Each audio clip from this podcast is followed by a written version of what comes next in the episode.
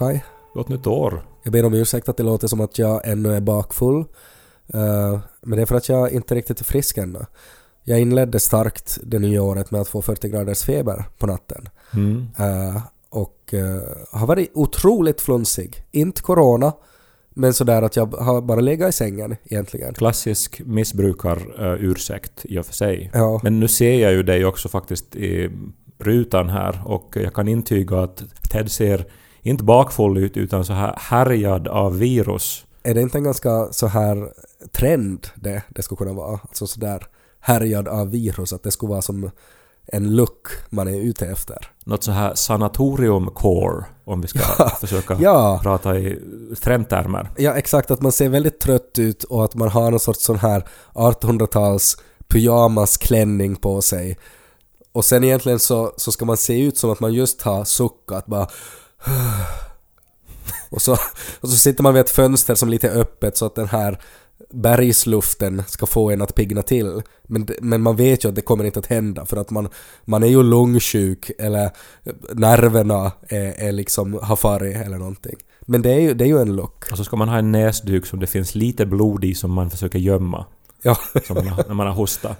Ja. Men alltså ap apropå sanatoriumcore, jag har lyssnat på mycket poddar där man försöker då spå eh, vad som, alltså olika trender för det nya året. Ja. Och det hör väl till vid den här tiden på året då att nu ska man, nu ska man se framåt och försöka analysera det som man ser nu och då vad det kommer att leda till. Och alla har ju gjort sitt försök, så jag tänkte att den här podden får ju inte vara då ett undantag.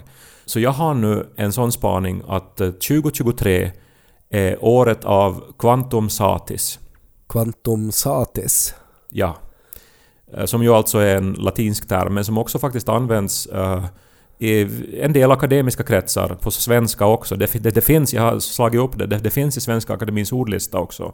Ja. Och det betyder alltså eh, tillräckligt av någonting. Typ lagom, ungefär. Okej. För det låter ju lite som en, en Astrid Lindgren svordom. Ja, Quantum satis. det har ju det här vetenskapliga, det här kvantfysiska eh, konnotationen också, men som inte hör ihop med Astrid Lindgren. Nej. Men det betyder alltså att, eh, att, att nu så är det liksom ett kvantum satis av salt. Det är alltså exakt så mycket salt som behövs. Ja. Så det har som en sån här filosofisk innebörd också, att man måste som se på kontexten och så måste man också lite grann se till moralen också. Att vad, vad är liksom nu exakt det som krävs för den här situationen? Vad är kvantum satis? Så, men, så quantum satis är alltså då någonting som man ska försöka uppnå? Alltså att det är mer som ett ledord för året? Alltså det används i såna här innehållsförteckningar på mediciner också. Alltså att här finns eh, ett kvantum satis av det här och det här och det här. Jag är inte liksom helt hundra på dess eh, huvudsakliga användning, men jag tänker att det är en bra filosofi och också någonting som jag ser i samtiden att det här behöver vi mera av. För eh, det har ju som aldrig varit så, tror jag, osexigt att vara rik som nu. Och då tänker jag då på Elon Musk som ju är väl eh, hatad av alla människor just nu. Ja, han är inte jättepopulär. Det finns ingenting sexigt med att ha 200 miljarder. Men då är det ju om, om du skulle vara singel och gå på dejt med någon och så ska, så ska det komma fram på något sätt då att, inte vet jag, att, att, att eh, dejten ska ta ut pengar från bankautomaten eller någonting. Och så ser du när han har tagit ut en, en 20-lapp och så ser du på hans bankkonto att han har över 200 miljarder. Så ska du känna då att quantum satis var osexigt. Nu används det ju inte som en svordom. Men jag tycker att va, det är ju ingen som behöver 200 miljarder. Det finns ingenting som kostar 200 miljarder. Nej. Men att ha en lagom summa pengar, just så mycket som behövs. Ja. Det, det, det, det behöver vi ju allihopa, det är väl rimligt. Det, det är ju exakt det jag är ute efter. Det är också all sån här extremism är ute. Allt sånt som sticker upp för mycket. Alltså det är egentligen jantelagens år. Någon sorts återgång till, till, till, till rimliga proportioner. Det blir 2023 tror jag. Att nu ska det vara mer normalt egentligen. Mer rimligt. Mm. Är det inte någon sån här grej också att man ska spå i såna där i tenn? Ja, fast det har väl förbjudits av woke-rörelsen. För att det gör att delfiner får Alzheimer eller någonting. Det visste jag inte, men jag visste att det, det, är- det är någonting med tenn som inte är bra. Så att vi hade, i år så hade vi alltså så här uh, bivax istället. Som man kunde använda precis på samma sätt som tenn. Och så hypar vi det här jättemycket åt Lo och så smälter vi då bivax och så, så slänger vi dit det då i hinken. Och så flöt alltså bivaxet på vattenytan. Så att det blev bara som, som en duk ungefär. Alltså som ett lock på vattnet. Som ett sorts bivaxpergament. Men hade ni liksom varmt vatten då? Eller, för nu ska det ju stelna. Bivax. Jo men det, ste, det stelnade, men alltså det sjönk inte ner, det sjönk inte ner i vattnet. Utan det, det flöt och stelnade så, så att det blev som en, en, en så här polar tunnbröd av bivax som flöt omkring i hinken. Och det var jättesvårt att försöka liksom spå någonting för år 2023 utgående från det. Nå, det är platt. Det blir Österbotten. För hela nä- nästa år. Sorry min son. Kommer inte att hända någonting. Buen purmu puut vuossar botling Sun täällä sitso vi popkuun Soveri vi Popnödena popkuun Soveri vi Ted och kaj.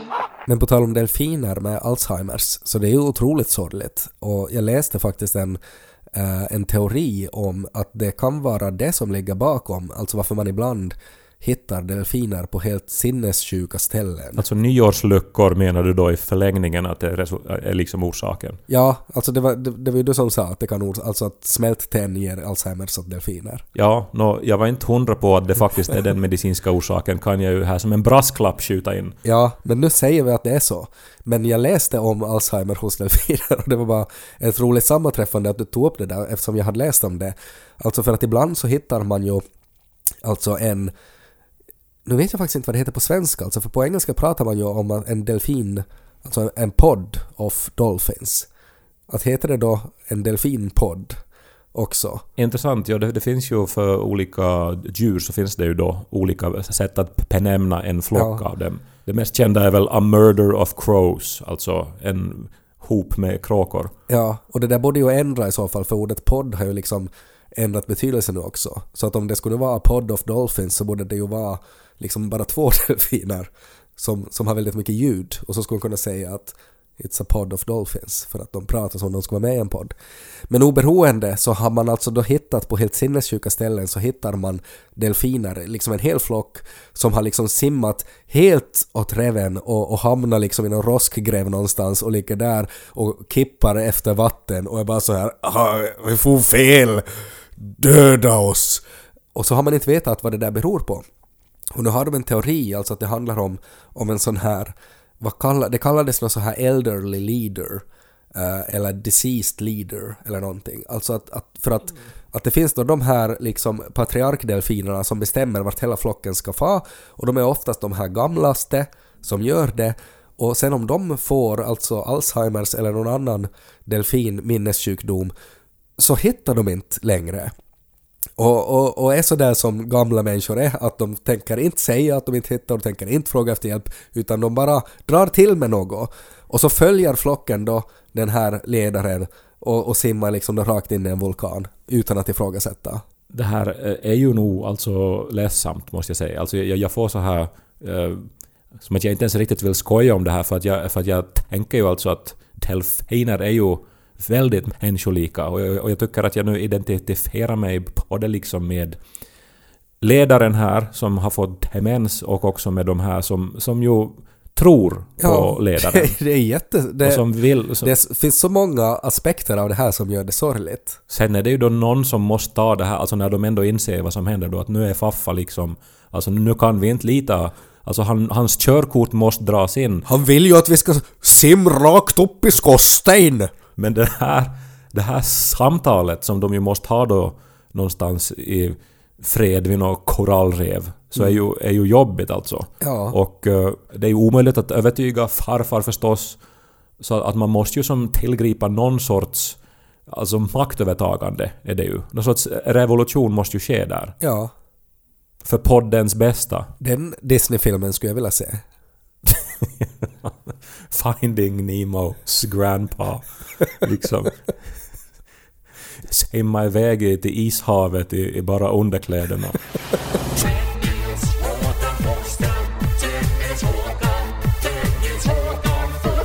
Ja men det jag egentligen skulle prata om var ju att det nu på arenan finns den klassiska sketchen Dinner for One, alltså som är den här Grevinnan och betjänten som man tittar på varje nyår. Och det är ju en, det, det, det är en, sketch som har funnits väldigt länge och den är ju en klassiker. Uh, och jag blev intresserad av den här sketchen så jag googlade lite om den och så insåg jag att, uh, att jag har en nyhet om Grevinnan och betjänten-sketchen. Det här är ju som jättespännande eftersom jag ju tror jag kan den här sketchen utan till för att den ju alltså sändes årligen i TV och av någon anledning så, så ville mamma och pappa att vi skulle se på den årligen och... eh, Men för den är ju rolig. Alltså det, det är ju en jätterolig tradition. Ja, men också på något vis en märklig tradition, alltså att man bara väljer ut en sketch som... Och och jag menar, det här är ju en urgammal svartvit brittisk, antar jag, sketch. Eh, så, som ju... Ja, den är rolig men inte den är väl nu som så här... Alltså omistligt rolig på något sätt. Nej. Den är producerad i Tyskland, men det är brittiska skådisar och brittiska manusförfattare. I Tyskland? Ja, för de pratar engelska i Ja. den. Men, ja, men alltså, bara nu så att eh, ni som inte vet vad det här är, alltså det handlar ju om en äldre kvinna som, som endera så är alla hennes vänner döda eller så har hon inga vänner. Men hon är så här rik och hon då ska ordna en middag och eh, eftersom hon inte har då några riktiga gäster så tvingar hon då sin betjänt att spela alla gäster. Och då betyder det då att han också måste dricka för alla gäster så blir han full. Ja, Man får ju nog bilden av att, att, att de här gästerna har funnits, men att de har kanske alla dött. Men att han har inte, han har, hon har inte liksom kunnat acceptera det. Ja, så kan det ju hända också att hon då har gått den här delfinledarens öde till mötes också och fått Alzheimer. Och att sketchen egentligen utspelar sig alltså på något så här åldringsboende. Och han den bekänten betjänten är egentligen en i i personalen, alltså som bara gör det där med henne. För att då hålls hon lugn.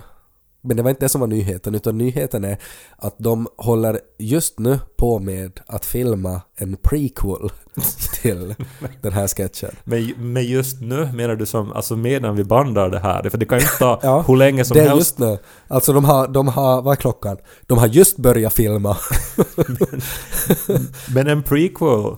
Som Ja. han, hon heter Miss Sophie heter hon, hon som, som Ja. ordnar middagen. Ursprungssketchen heter ju alltså Dinner for One och den här prequeln ska vara en miniserie som heter Dinner for Five.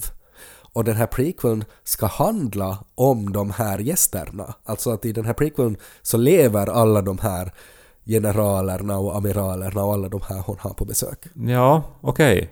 Men menar man att det här ska vara roligt då? För det roliga är ju att det är betjänten som blir full. Så jag menar, det här har ju inget... För, för vi vet ju inget annat om de här människorna. Nej, alltså det är lite oklart ändå att, att kommer den här miniserien att vara en komedi eller kommer det här att vara någon sorts perioddrama? Det, det är oklart ännu. Men tycker du inte att det är intressant alltså att man väljer att göra en prequel av en sån där sketch? Och att man liksom har så här, okej vad finns det att ta fasta på då? Men de här människorna som inte vi ser, vi gör en prequel om dem, för det är det där intressanta. Vad heter de nu då? Admiral von Schneider heter en och Mr Winterbottom eller någonting. Sir Winterbottom. Alltså det är ju adliga, liksom så här högdjur i samhället det handlar om då. Disney håller ju på med sånt här ganska mycket nu. Eh, Jag tittade nyligen på, på den här Andor, alltså den här Star, Star Wars-serien. Alltså där de använder sig av prequels för att på något sätt så här fylla i luckor. Uh, och så förändras upplevelsen då när man ser på någonting som redan har kommit, där man vet vad som hände strax innan. Och jag vet inte att, att är tanken då att om man har sett då de här människorna, hur de var i verkligheten, så ska man se på den här klassiska sketchen sen i ett annat ljus eh, när man tittar på den efteråt. Det är bara det att det, det finns inte så mycket i den där sketchen tror jag. Att, alltså det finns inte så många nivåer där. Alltså för han, hon, hon är g- g- gaggig eller galen eller, eller ensam och excentrisk. Och han bara gör som han blir tillsagd och blir full. Och så snubblar han på ett lejonhuvud. Det är som inte som några shakespearianska liksom, liksom konflikter här. Hur man än tänker på det så blir det ju ointressant. Det går inte heller ihop med det här min spaning om quantum satis eftersom eh, just grevinnan och betjänten då handlar om överklassen och, och de här som dricker dyra champagner och, och eh, dinerar i såna här exklusiva rum. Eller är Quantum Satis då att, att, vi, att det vi behöver är mera Grevinnan och betjänten och därför så gör de alltså att, att det räcker inte med bara den där sketchen. Det har blivit så stort. Du hade ju en ganska intressant idé en gång som handlade om just att, att avsluta i rätt tid. Och det var ju då egentligen åt andra hållet, att man skulle göra en liksom fortsättning på grevinjan och patienten. För alltså det är ju bara komedi upp till en viss punkt. Och sen om man inte avslutar det så då blir det bara konstigt och, och egentligen tragiskt i många fall. Alltså för att i det här fallet så är det ju då att, att om inte sketchen slutar så då är ju patienten så full att han kommer att slockna och sen så är den här gaggiga damen då ensam på sin 90-årsdag och liksom James, wake up! James, wake up! Eller vad han nu heter. Och, och, och sen så, så vaknar han inte och sen liksom vandrar hon ut på balkongen i bara sin tunna klänning och Ja. fryser ihjäl och blir lite Ja. ötsig där. Och så ligger hon där som Ötzi i ett dike och har så här full sanatorium-core. Och så står det bara Finn. Ja, alltså man måste sluta i rätt tid. Men jag tänker att skulle det vara då en, en idé att man som istället då för att göra prequels då till olika saker, att man skulle som helt enkelt... Fortsätta. Alltså att man, man när, när saker tar slut så, så sätter man bara liksom att fade from black och så ja, nej fast det fortsatt nog. Mm. Det hade James Cameron hade ju gjort någon grej med Titanic. Alltså att han hade väl nu satt 200 miljarder på att eh, anlita någon sån här hypotermiexpert och en massa dykare och så hade de alltså med, med sådana här värmesensorer på dräkterna så hade de alltså nu slutligen kunnat konstatera efter 25 år att nej, de skulle inte ha rymts båda två på den där dörren i Titanic. En av dem måste dö. Han skulle, det finns ju så många andra idiotiska saker i den där filmen. Alltså att hon då 90 år senare alltså ännu liksom har känslor för den här typen som hon träffade i liksom tre timmar på en kryssning. Hon har ju haft ett helt liv efter det och säkert liksom haft kärlekar och fått barn och allting. Då har du nog varit på dåliga kryssningar Kai.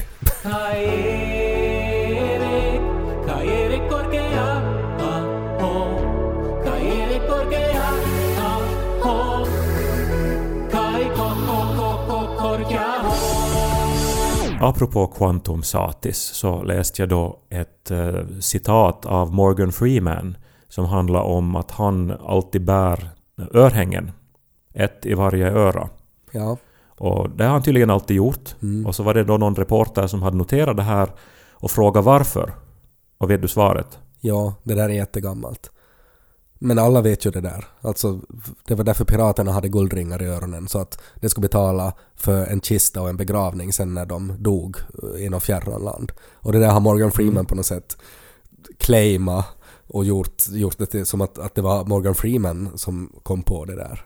Ja, nå, eh, jag hade inte eh, vetat det här innan jag läste det. Men att Nej. det är ju då ett sorts quantum satis, alltså att det är just tillräckligt för att betala för en begravning. Ja men det är ju, det är så, alltså hela den där idén är ju idiotisk.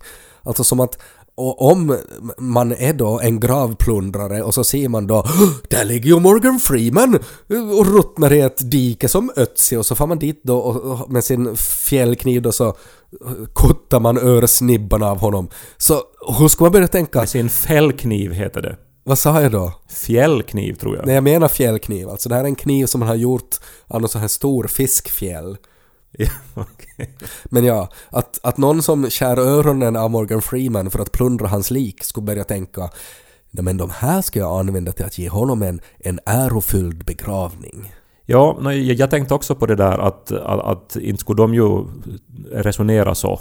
Alltså de skulle ju hellre ta det själva förstås. Plus att jag tror inte, jag, jag är väldigt skeptisk också till att, att ringar i öronen skulle räcka som betalning. Alltså man skulle nog måste ha någon väldigt avancerad prins Albert också för att faktiskt få liksom allt att räcka till tänker jag.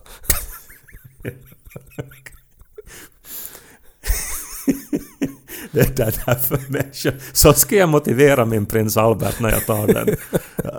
Att, att jag har det för att om jag är på någonstans utomlands och, och dör mitt i allt så då, då får de jag tycker överlag alltså att, att sätta mer av sina, sina ägodelar och, och, och liksom att, att man ska förvalta sitt arv som en prins Albert. Och så ska man skriva så här testamentet då att, att jag har en sån där prins Albert piercing som är värd ungefär 250 000 och att det går nog till Lo om man lägger på.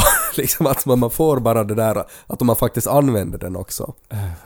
Ja, just det. Så att kommer Morgan Freeman att stjäla den där idén också. Ja, nej men alltså för att jag tyckte att det var som på ett sätt så var det som att oho, okej, okay, men det där var ju en rolig nugget av info. Men sen är det också jättekonstigt att en man som Morgan Freeman ännu skulle frottera sig med såna här ändå pojkdrömmar alltså. Och så tänkte jag på dig.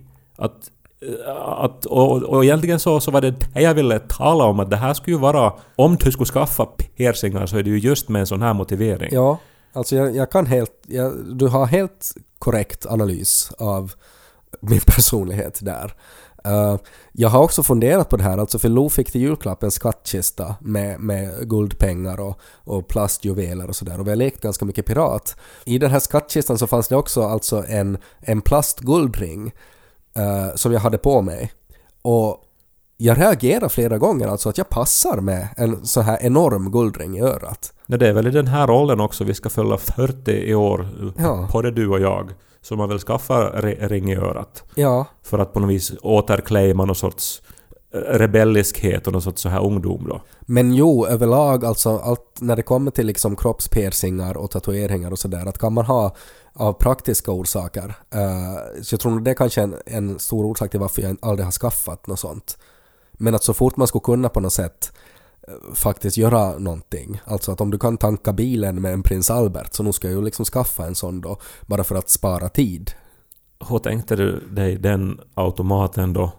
Nej, jag tänker att man på något sätt kan ta fram den och så ser man direkt hur mycket bränsle finns i bilen via någon sorts display och så kan man trycka på en knapp och så skulle bilen liksom tankas utan att jag behöver stiga upp. Utan att jag skulle kunna göra det liksom från vässan eller duschen. Den ribban är inte så hög, alltså det, det skulle kunna vara sådär att sätta av och på lampor skulle kunna räcka nog. Inte kanske en prins Albert men något så här inte vet jag, bröstvårdspiercing kanske, som en extra lampknapp.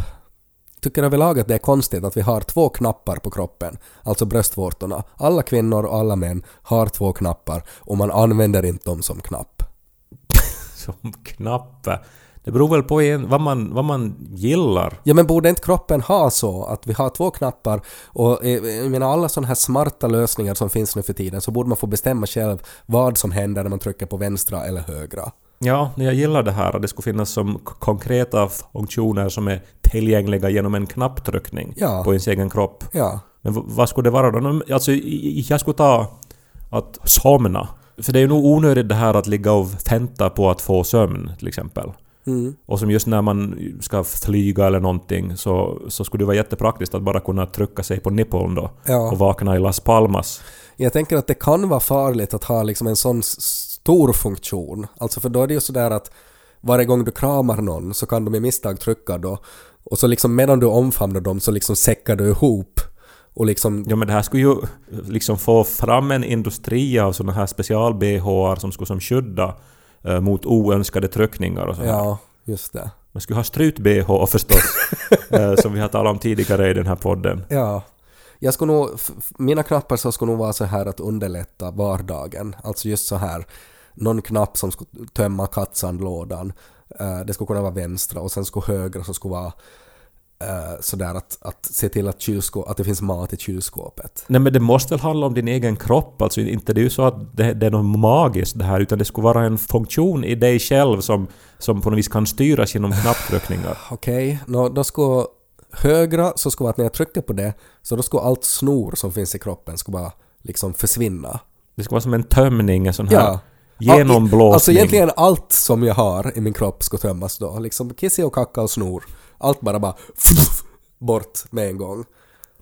Så att man måste liksom gå in i ett, i ett liksom våtutrymme och liksom klä av sig naken. Ja, ligga i ett dike helt enkelt. Så trycker man det på högra och så bara det här är nog en ännu större risk då när du dansar tryckare på Dynamo i, i Åbo och så mitt i allt så töms när du ut över dansgolvet. Ja, med min strut-bh så skulle det ju inte finnas någon risk för det. Uh, sen vänstra uh, så... Nå, alltså nå, någon så här att, att det skulle liksom kanske ta bort så här stress eller oro. Liksom att man, man trycker på den så skulle det bara liksom få en harmonisk. Ja, no, det borde ju alla förstås ha, en Ja. sån knapp. Ja. Som skulle liksom aktivera den delen av hjärnan som är bara sådär att allt är okej. och liksom, tänk bara när man liksom står då i duschen och så kan man liksom trycka man vänstra, vänstra, vänstra, vänstra, vänstra, trycker man jättemycket till såhär åh vad skönt och så trycker man ner på högra, Fuff, så är man helt tömd. så man är ju som en helt ny människa.